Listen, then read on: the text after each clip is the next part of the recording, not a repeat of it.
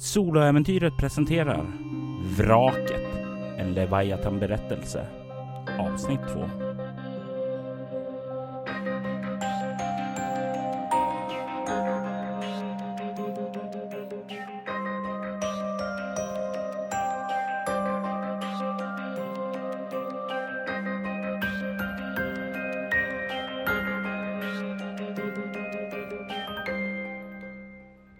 Sätter fötterna där nere och du kan se att skeppet verkar ha burit med sig en last av något slag. Det är många lårar här. Eh, du har ingen aning om vad det är för någonting bara av att kolla här, men det är ju definitivt eh, någonting som är värt pengar här. I alla fall för någon. Du kan se också att det finns en dörr vidare djupare in här i skeppet också. Eh, I övrigt så ser det ganska Ja, du ser eh, inte så mycket mer detaljer här i den ganska lummiga belysningen. Du ser det just där din lykta lyser upp då, men i övrigt så är det mest konturer och sådant du ser. Jag går en snabb vända med lyktan och eh, håller harpunen framför mig. Eller spetsen på harpunen framför mig.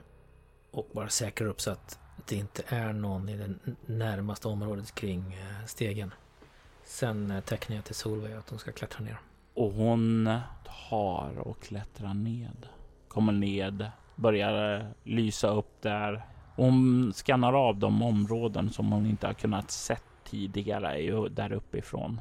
Hon bildar sin uppfattning om det och sedan så kollar hon på dig och säger ja, det verkar lugnt här också.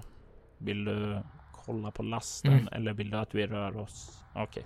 Nej, men jag, jag kollar på lårarna, eller lådorna eller vad det är för typ av last. Om det är något märke på dem. Jag försöker känna om det, om det doftar någonting. Om det är mat som är förstörd eller om det är något annat. Som om det är fisk eller om det är no, no, någonting som eh, som är organiskt. Du spanar närmare på lasten, lyser upp dem, kan se att det inte verkar ha någon sån här officiella designationer utan det verkar vara mer sån här ja, egna lårar, alltså återanvända från andra laster och sådant har packat ned varor, föremål sedan och eh, fraktar dem. Du får nästan känslan av att det här skulle kunna vara smuggelgods av något slag. Bara kolla på lådorna här utanpå. Ja, vi kan ju inte bryta upp dem eh, utan att eh, först säkerställa att eh, inte de rättmätiga ägarna är kvar på skeppet. Så att eh, vi känner ju till, det här verkar vara en standardkonfiguration av Chelonin Shuttle. Så att vi eh, känner ju till hur man tar sig till bryggan. Mm. Jag antar att det är därifrån man slår på Alltså overrider eh, eh, nödlägesinställningen så att man kan få eh, eh och allt sånt där. Det är antingen därifrån eller så är det från maskinrummet och maskinrummet är ju ett ganska litet område som finns under de här nivåerna utan det är oftast eh, från någon lucka man kryper ned och sen eh, så är det inte att du kan gå upprätt där utan du liksom hasar omkring där nere och sköter systemen liggande nästan. Då ska vi inte bege oss ner där kan jag lugnt säga. Eh, utan vi eh, börjar med att höra eh, den musiken. Den kommer från eh, Eh, förarhytten? Den kommer från dörren som leder djupare in. Troligtvis så finns det ett område innan kommandobryggan. Ofta brukar det finnas mäss och hytter där. Eh, som ligger i mitten sektionen av Chelonian Shuttle och sen är kommandobryggan längst fram. Mm, men då eh, beger vi oss emot musiken. Eh, jag går ju först då. då. Eh, och Eh, eh, beredd. Och eh, går fram till dörren där och så ropar jag. Hallå? Hallå? Det är kapten Truls Dröjer. Är det någon här? Hallå? Bakom dig så har Solveig kommit upp och står där redo med sin soniska pistol. Hon eh, hör ditt rop och ekot där som studsar här i lastutrymmet.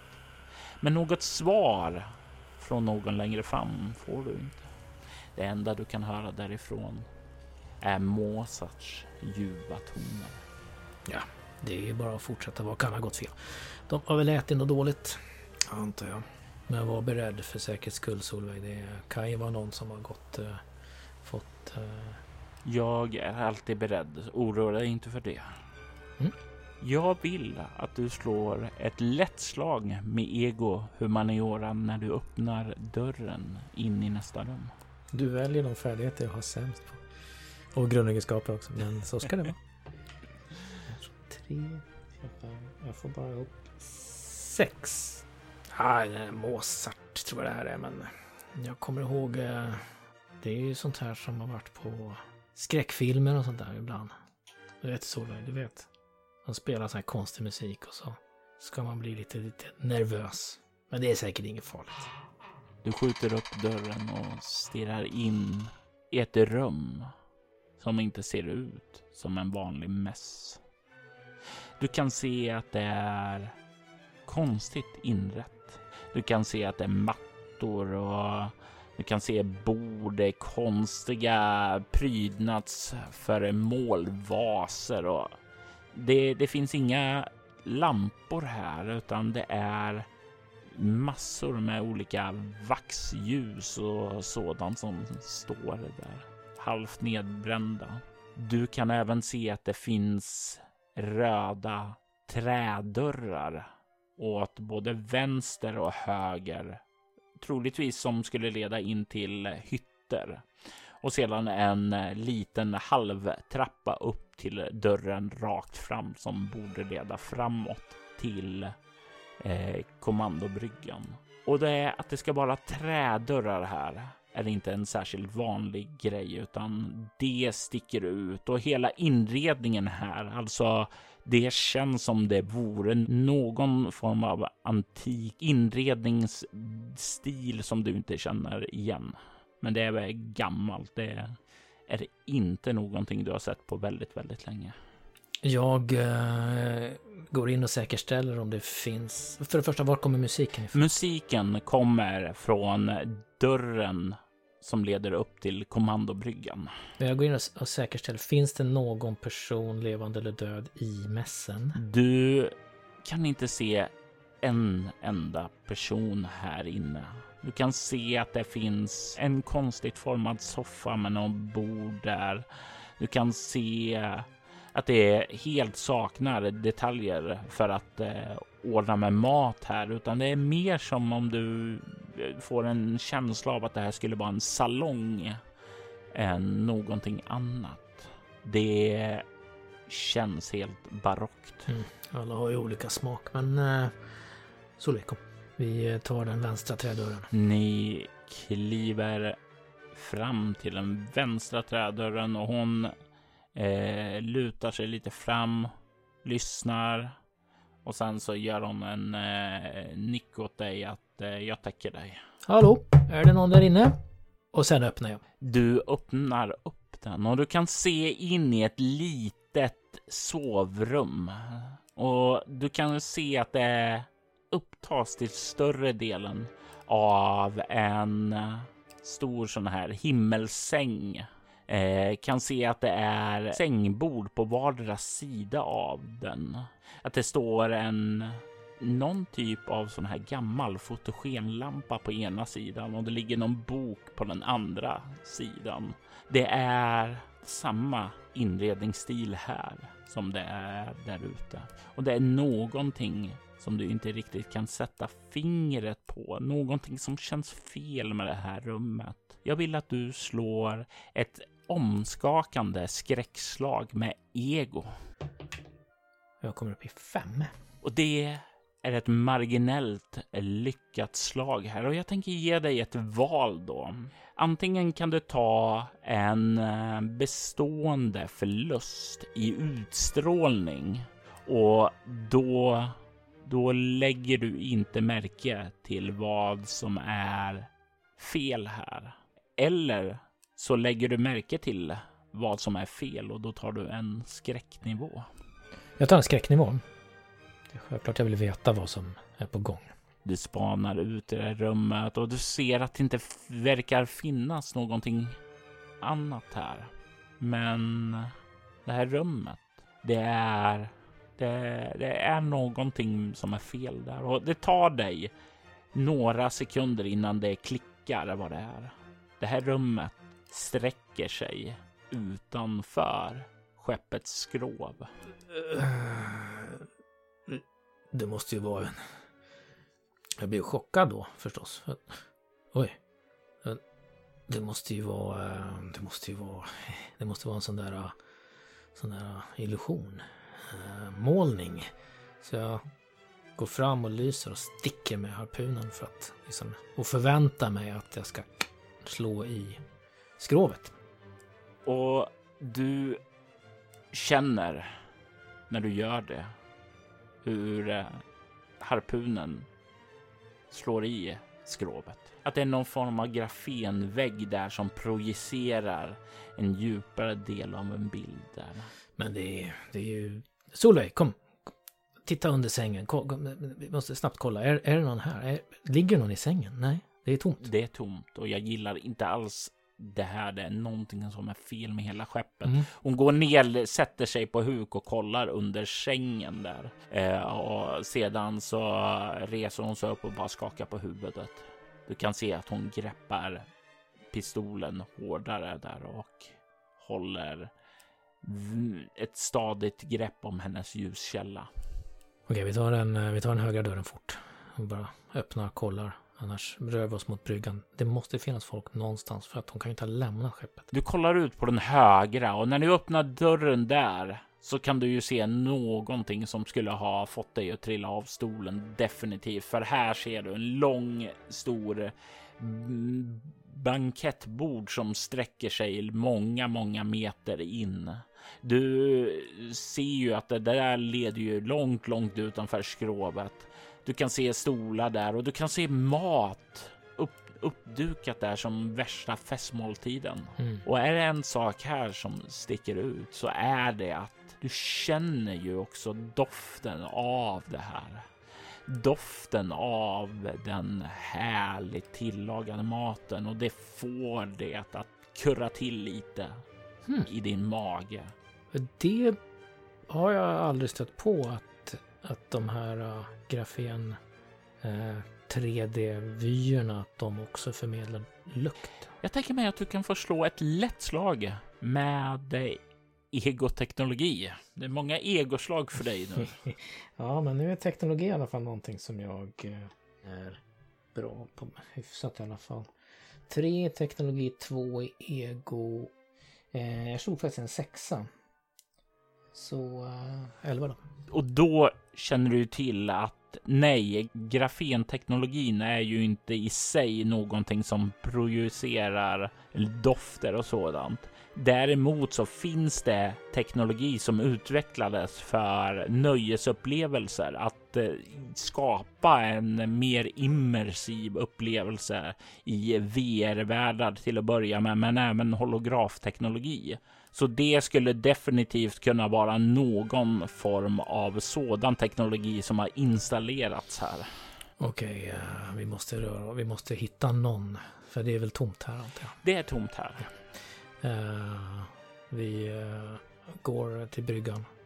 Eh, den här gången bryr jag mig inte om att knacka och ropa. Och, utan jag bara försöker gå upp. Jag går upp mot bryggan och försöker öppna dörren. Och när du öppnar dörren så kan du stirra ut i en korridor. Den här korridoren ser dock inte ut att gå i samma inredningsarkitektur som resten av de här rummen som ni nyss var i, utan den leder ja, fem meter fram till en dörr som leder troligtvis upp på kommandobryggan. Men det finns också här i mitten av korridoren en eh, lucka som går att öppna som leder ner till maskinrummet också.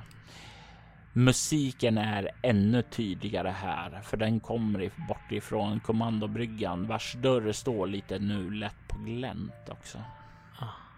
Ja, då rör vi oss uh, Fort fram till eh, luckan som leder ner till maskinrummet. Jag kollar så att den är stängd. Och om det finns en hasp, jag kan haspa den så att den inte kan öppnas när vi har gått förbi. Så gör jag det. Annars så låter vi den bara vara stängd. Det finns ingen direkt hasp utan den är ju igen, ordentligt igendragen där vad det ser ut att vara. Mm. Eh, det skulle nog troligtvis höras om någon börjar ta sig upp därifrån. Ja. Och sen fram till uh, dörren som leder till kommandobryggan. Och så... Uh, Solveig. Solveig. Nu, uh, nu får du gå först. För om du ser något där inne som du måste skjuta på så är det bäst om du går först. Du kan se att hon lättat tar ett steg framför dig. Hon känner sig bekväm när hon får vara längst fram, stå i täten och skydda sin kapten, sin vän, sin familj. Jag litar på dig Solveig. Hon nickar och sedan så skjuter hon sakta upp dörren. Jag tänker mig att du kan få slå ett lätt slag med kropp plus medicin. Så 5 plus 1 är 6 plus en T6. 8 kommer upp. Det är en doft som du känner. Nej, det är ingen doft. Det är en stank som är bekant och liksom som får det att vända sig i din mage när du känner hon skjuter upp dörren och börjar röra sig inåt. Du kan se att hon eh, också verkar känna den, men att hon ignorerar den mer eller mindre. Håller sitt sinne skarpt där för att skanna av kommandobryggan. Jag rör mig snabbt efter Solveig, men jag kastar också en blick över axeln så att ingen kommer upp bakom oss. Jag antar att det är blod. Jag antar att det är kött som luktar. Ja. Du kan finna en person här. Det verkar som om det är kaptenen. För han sitter i alla fall i kaptenstolen. Du kan se att eh, hans järnsubstans har spridits ut åt vänster om han och han har pistolen fortfarande krampaktigt hållande i sin hand. Även om armen nu har fallit åt sidan efter att han har blåst ut sin hjärna här i kaptenstolen. Eh, jag går fram och känner på eh, kroppen. Är den, inte för att jag är någon eh, forensisk expert, men ja. Jag vill att du slår ett utstrålningsskräckslag. Ett, ja, du får välja här om du ska slå ett chockartat eller omskakande. Eh, för när du går fram för att kolla det så kan du se han. Du kan se hans ansikte och du ser ju han blås skallen av sig. Men du ser också att det har börjat ruttna där. Eh, och det är liksom härifrån stanken kommer och du ser ju hur han har förvandlats till någonting som jag gissar på du inte är väldigt, väldigt bekant med till vardags. Nej, vi är inga stridande enhet så att det är inte så att vi konstant vadar omkring i blod och, och skjutna människor. Så att det här är mer chockartat helt enkelt. Mm. Jag slår fem och jag har sex i utstrålning, vilket innebär att jag kommer upp i elva. Vilket är ett lyckat slag och innebär att du kan hålla nerverna under kontroll. Det är inte så att det tar över dig, men hur reagerar Truls när han ser det här? Kvällningar. Han har varit död en lång stund. Han har tagit livet av sig. Det känns ändå så onödigt. Det känns ändå så främmande för Truls att ge upp. Och det tänker han på. Och det är det som gör att han också blir så illa berörd. Hur hur utsatt måste inte den här människan ha varit för att känna att det här var det bästa sättet att avsluta livet på. Och de har ju varit här en stund. Han kanske inte såg att det fanns något annat alternativ. Men eh, det är samtidigt mer frågor som dyker upp. Varför gjorde han det här? Varför valde han det här slutet? Eftersom luft finns det ju. Och mat Okej, okay, vi har bara mest sett inspelad mat på grafenpapper. Men, men eh, det finns säkert mat i lårarna i lastrummet eller i, någonstans. Han kan ju inte ha varit ensam. Men han är ensam på bryggan. Det är han. Och du kollar runt där i själva kommandobryggan så kan du se att eh, han har Ja, det, det, det verkar som om den här monitoren framför honom fortfarande är igång. Det är som om han har dragit ner allting manuellt innan han har tagit sitt eget liv. Du kan se hur Sol Solveig säger jag tror att det här var ett ryskt fartyg. Mm, alltså, varför tror du det? Um, hon pekar bort emot eh, några skyltar som sitter vid de olika monitorerna och du kan se de kyrilliska bokstäverna där. Ja, ah, da.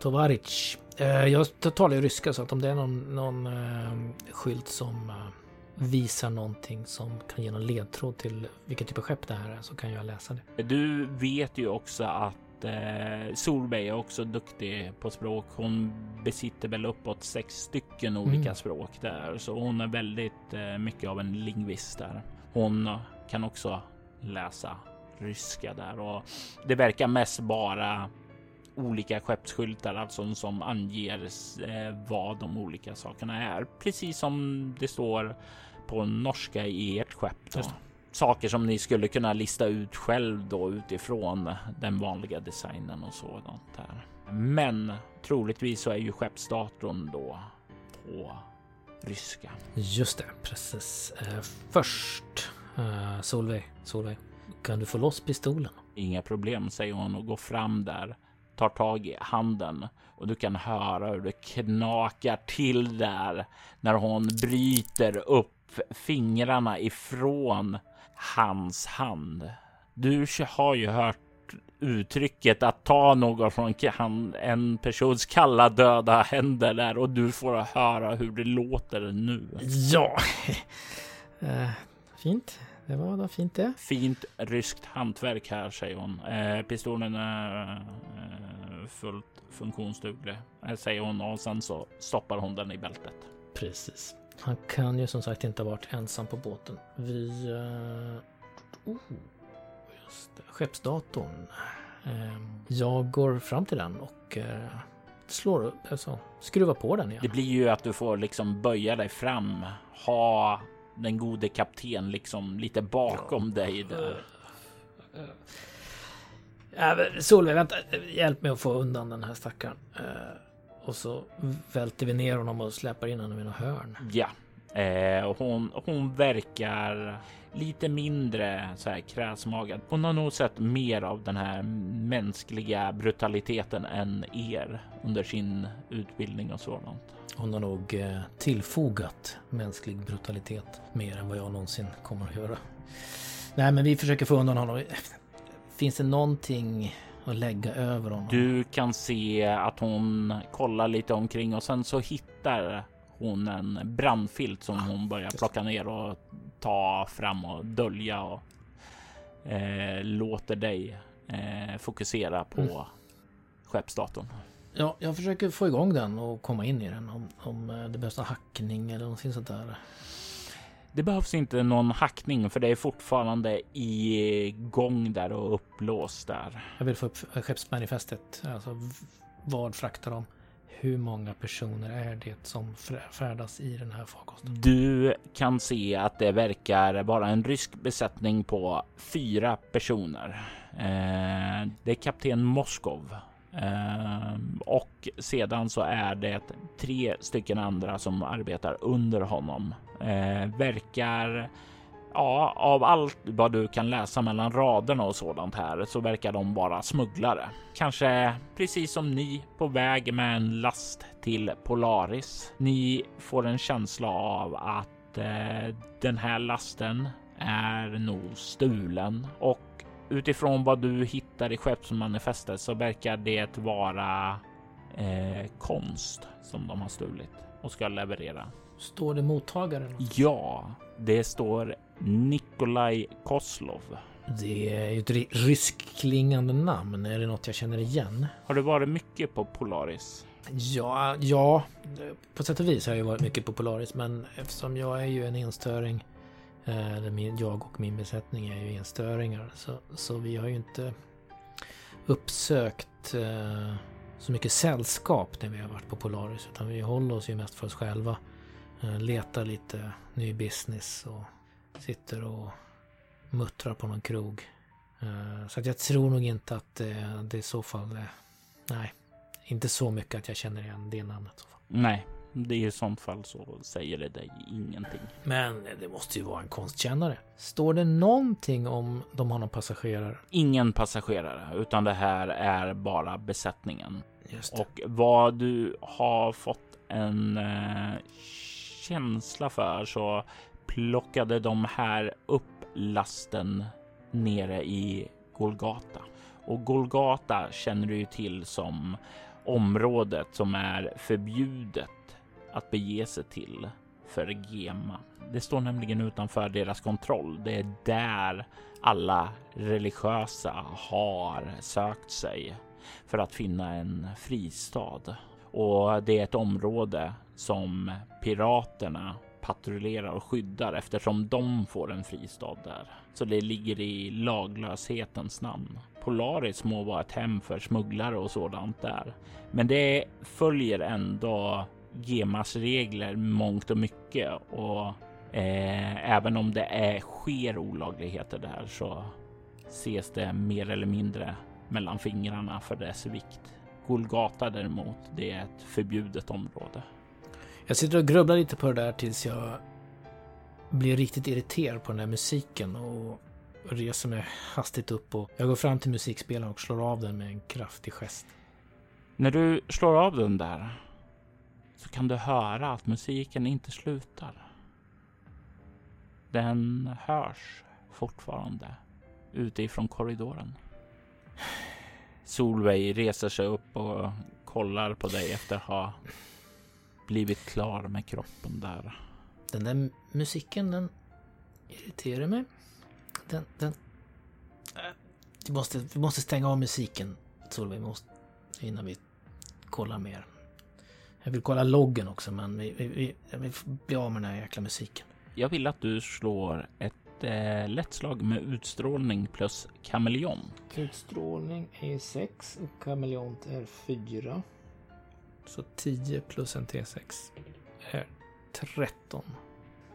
Då har du ett lyckat resultat där och du kan se när du säger det så säger hon vilken musik? Och du ser att hon ser genuint förvånad ut när, när du säger det.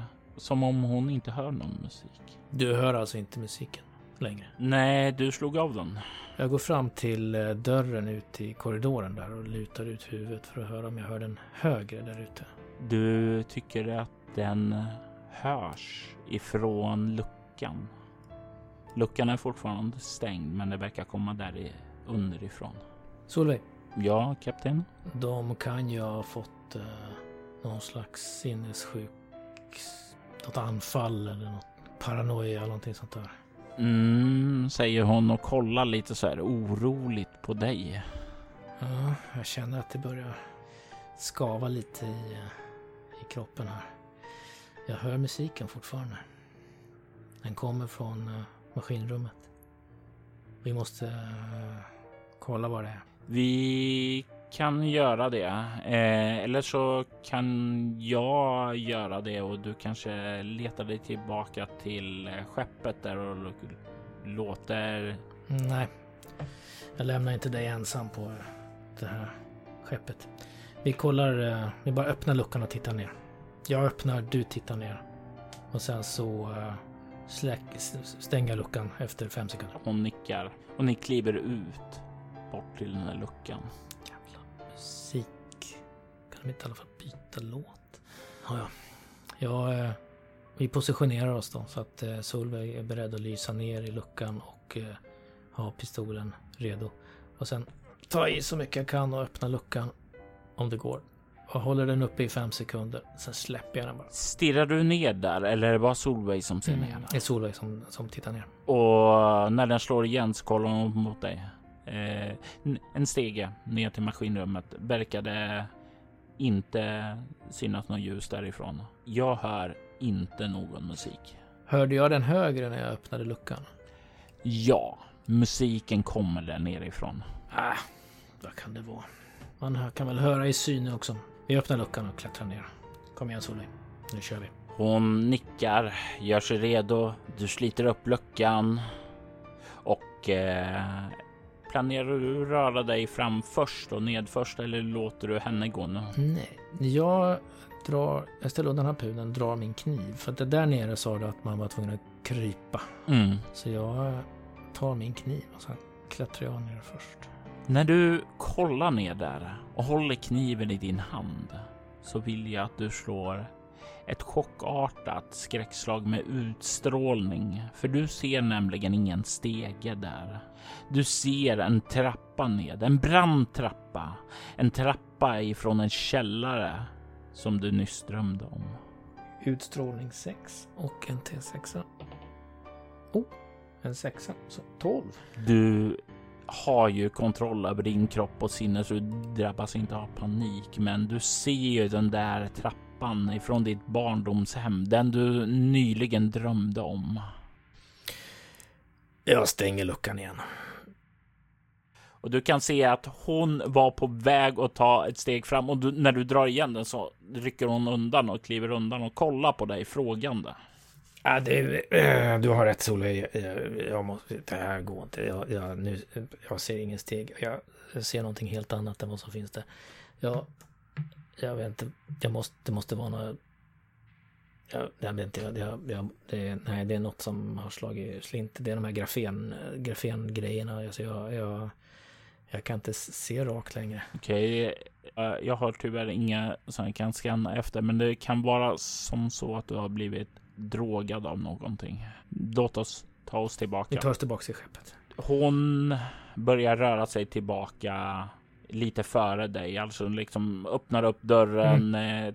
tar och kikar, ändå liksom håller lite span nu när hon känner att du är lite ur skick så yep. tar hon och kliver fram där liksom bara för att spana och hålla ett skarpt öga. Jag tar med harpunen. Ja, du plockar upp den och ni kommer ut i det här eh, vard i det här salongen och du kan se hur hon eh, kliver ut ur den och kliver in i lastutrymmet och du följer efter henne. Mm. Men du förlorar sikten. När du kliver genom dörren så kan du se att du kliver ut i en hall. En hall i samma mode som den här, ja, resten av den här inredningsstilen av fornstora dagar. Du kan se att den är lång. Den är upplyst. Du kan se stora glasfönster där solskenet utanför lyser in och lyser upp där kan se skuggorna leta sig fram där. Långa, vackra. På ett sätt som du inte sett på många år. Solen har vi inte sett sen, sen vi lämnade ytan bakom oss. Precis. Jag förtrollas av det här.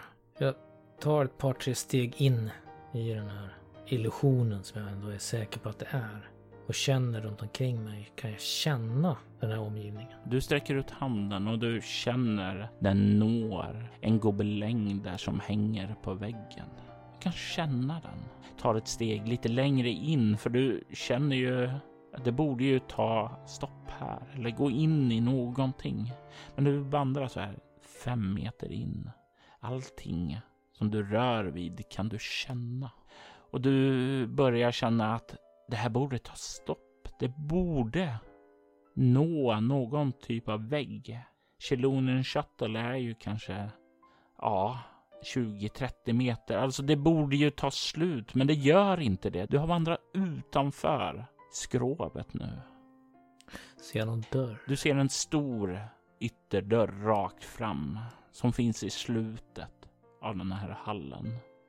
Du kan höra musiken bakom dig. Jag försöker lyssna över musiken, försöker lyssna om jag hör någonting annat. Någon annan är det egentligen jag lyssnar efter. Jag vill att du slår ett lätt slag med kropp plus obemärkt.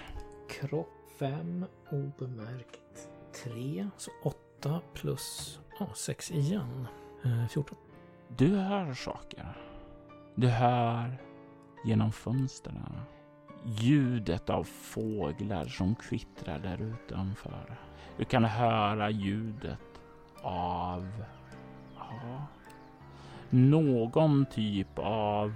Vad har du i överlevnad? Ett. Någon form av djur? Någon eh, stort... Kan det vara en häst? Där ute som verkar springa omkring. Dunkar och hovar som slår i marken i alla fall. Du kan även höra inifrån där musiken kommer. Ja, det är något annat ljud där som du inte riktigt kan sätta fingret på vad det är. Någon typ av mekaniskt ljud. Jag bestämmer mig genast för att eh, vända om. Jag går tillbaks eh, där jag kom in så att säga i mässen. Eh, försöker hitta in tillbaks till korridoren som leder upp till kommandobryggan.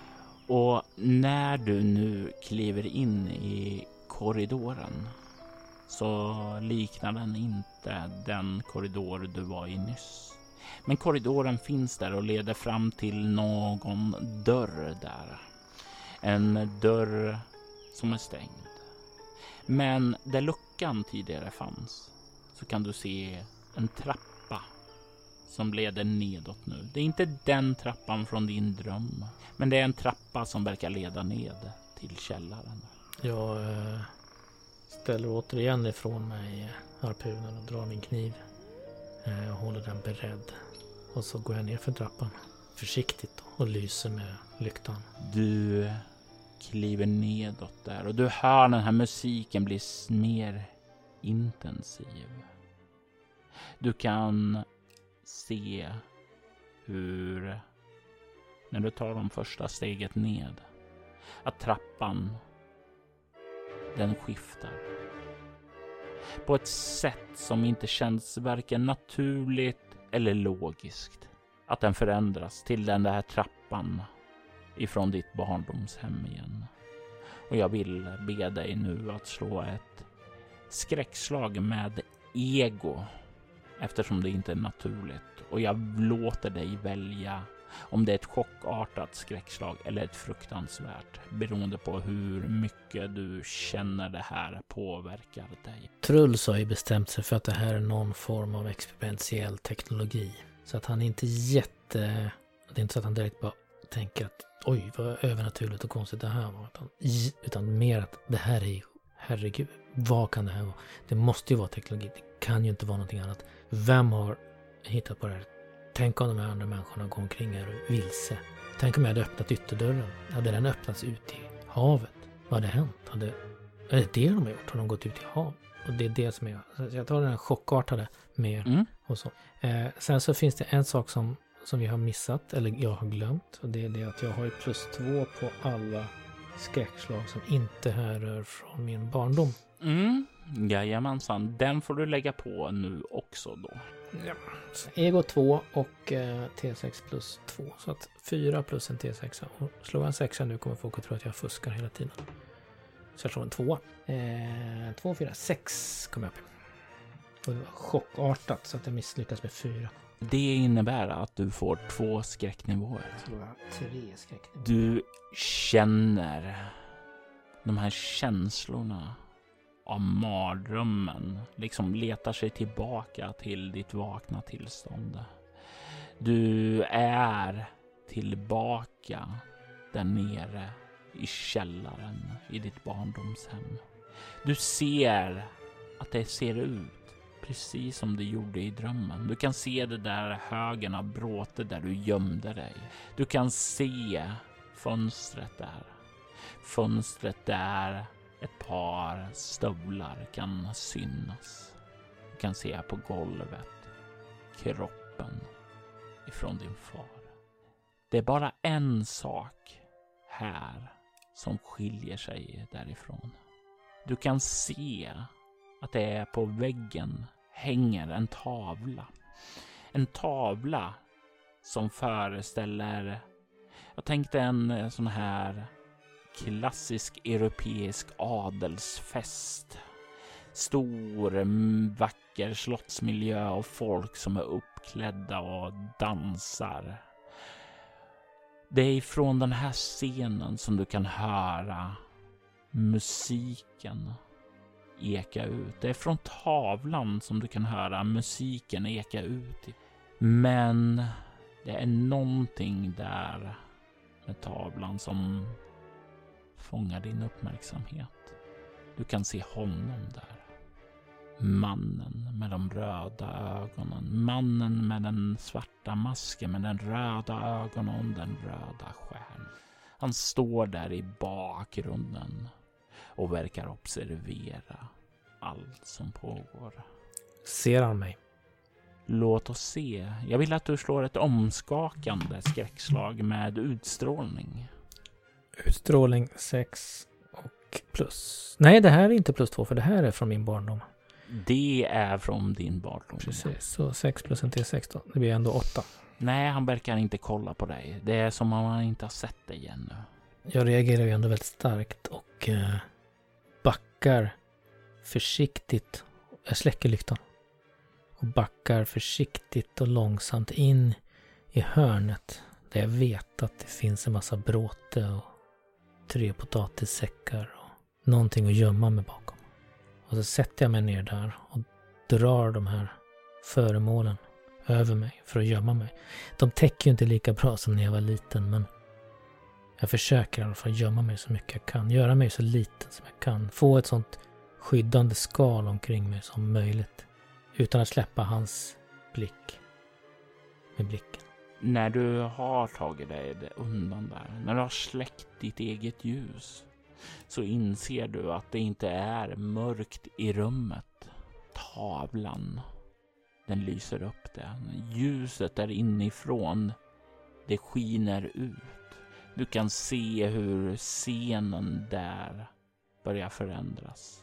Folk börjar röra sig, börjar dansa, gå omkring och skratta och det i sig är ju inte så konstigt. Om det här är någon form av teknologi och sådant så är det ju inga konstigheter. Det är troligtvis bara någon grafenpapper där som liksom projicerar det här och spelar upp det.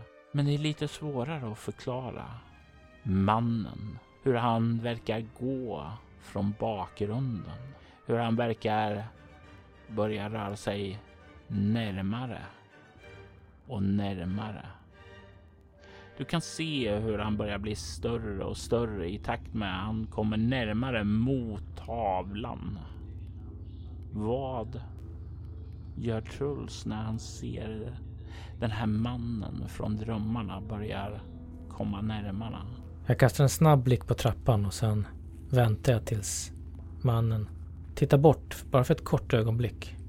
Och när han gör det så kastar jag mig upp och rusar upp för trappan. Jag vill att du slår ett lätt slag med kropp plus stridsvana för att se om du ser något sådant ögonblick. Kropp 5 och stridsvana 2. Så 7 plus 4, 11. Du kan se att han har blicken fokuserad rakt fram på tavlan ut emot det här rummet. Han kommer fram till det och det är som om han lägger händerna på, ja, som om det här vore en spegel eller ett fönster. Du kan se hur det liksom formar sig mot där och han liksom nästan börjar kika inåt där. Men det är någonting som händer där. Någonting som gör att han kollar undan för ett kort ögonblick och i det ögonblicket så kan du rusa. Jag vill att du slår ett lätt slag med kropprörlighet för att se hur fort du springer. Kropp 5, rörlighet 4 är 9 plus 3, 12. Du rusar och kommer upp innan han vänder tillbaka synen emot dig. Du kommer undan honom. Du kommer upp till den här hallen igen och står där och känner hur hjärtat slår fort. Jag greppar harpunen och... Är det här fortfarande sagohallen? Det är fortfarande sagohallen. Du har den där stängda dörren åt ena hållet och sedan har du ju vägen tillbaka till den här salongen. Jag eh, springer fram till dörren till salongen och tittar in. För att se om det ska vara, om jag ser Solveig eller något som verkar vara någon slags normalitet. Du ser in i rummet som liknar som du såg första gången du klev ombord här. Det ser sig likt ut, men det är tomt här. Det finns ingen Solveig, ingen Erling, ingen annan. Jag kliver in i den och fortsätter till lastutrymmet. Du kommer återigen ut i den här hallen. De stora fönstren. Solen lyser inte längre lika starkt. Det är som om solen börjar leta sig ned. Som om dagen håller på att bli kväll. Ljuset börjar falna. Jag vänder på klacken och går tillbaks så att jag kommer till dörren som ska gå till det som jag känner som kommandobryggan. Mm, du kommer fram dit och du kan höra där inne ifrån ljudet av en eld som sprakar. Men du kan höra någonting mer. Ett mekaniskt ljud. Ljudet av en klocka.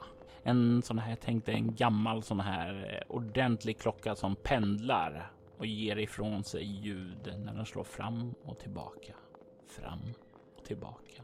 Du kan även höra ljudet av någonting som ristats mot papper. Som om någon sitter här inne och skriver. Jag går fram till dörren och öppnar den. Du stirrar in i ett avlångt rum. Du kan se från den vänstra väggen att det finns en öppen eldstad där det brinner. Och ovanför den så kan du se ett stort porträtt. Ett porträtt på en man som du känner igen som Mozart. Längre in i det här rummet så kan du se ett skrivbord. Och bakom skrivbordet så sitter en man och skriver. Du kan se att han bär en lång mörk rock. Och du kan se också att han har en mask framför sitt ansikte. En mask som inte alls liknar den från den mannen som fanns i tavlan. Den man som har hemsökt dina mardrömmar. Det är en gammal pestmask som han bär för att dölja sitt ansikte. Han kollar upp emot dig när du öppnar dörren. Välkommen. Och när han säger det så är rösten inte naturlig. Det låter som om rösten går igenom någon form av röstmodulator för den låter förvrängd. Den låter mekanisk, androgyn. Vem är ni? Var är jag? Mitt namn är Miasma och ni befinner er ombord på det skepp som ni bordade. Ni har tagit ett steg in i dina egna mardrömmar och i mina drömmar. Det finns vägar ut. Jag kan släppa ut dig. Eller så kan ni konfrontera er rädsla. Vi? Det är bara jag här. Har du fångat Solveig också? Om ni syftar till kvinnan som var med er så är hon i sin egen prövning just nu. Alla har sina demoner att möta. Och i prövningen så visar man vad för skrot och korn man är gjord av. Man visar om man är ett hot, en världsförstörare eller om man är en kämpe som står emot dem. Jag går fram mot Miasma, där han sitter. Han lägger ifrån sig pennan och viker ihop brevet där och stoppar in det i ett kuvert lagom tills du kommer fram till honom. En prövning, säger du. Och Solveig har sin egen prövning. Erling. Det var bara ni två som klev ombord på skeppet. Men vi kan pröva en sak. Bara så att jag får veta. Lite mer om det här. Sen stöter jag harpunen i bröstet på. Gör du det lite försiktigt eller väldigt, väldigt aggressivt? Aggressivt. Jag vill att du slår ett eh, slag med kropp plus närstrid och du får göra det emot miasma. Kropp 5. Närstrid 3. Alltså 8 plus en T6. Du ska upp i 13. Jag kommer upp i 10. Du stöter ju den där, men miasma verkar ha anat det. Som om han varit beredd på det. Och när du kommer och stöter harpunen där så ser du hur han bara försvinner framför dina ögon. Och du kör in harpunen i stolen där bakom. Det här kuvertet han höll i handen, den faller ned på skrivbordet. Och du kan se att det står ett namn på kuvertet. Det är ditt namn. Jag böjer mig ner och plockar upp kuvertet. Samtidigt som jag ser mig omkring. Det måste vara någon form av teknologi. Det måste vara någonting som påverkar sinnet. Jag måste hitta källan och stänga av den. Ja, vad står det i brevet? Det står. Ditt val är gjort. Jag kan inte hjälpa dig längre. Enda vägen ut är att konfrontera din mardröm och visa vilken person du egentligen är. I detta avsnitt hör vi Magnus Eter ta rollen som Kapten Truls. Vraket är en berättelse som spelades, skapades och redigerades av Robert Jonsson. Temamusiken till Vraket var A Curious Mind av Jon Björk. Övrig musik gjordes av Atrium Carceri, Marcus Stab, Musopens Symphony, Shellos och Tabletop Audio. Atrium Carceri och Shellos tillhör bolaget Cryochamber som ger ut fantastiskt stämningsfull ambient musik som passar perfekt till dina spelmöten och rekommenderas varmt.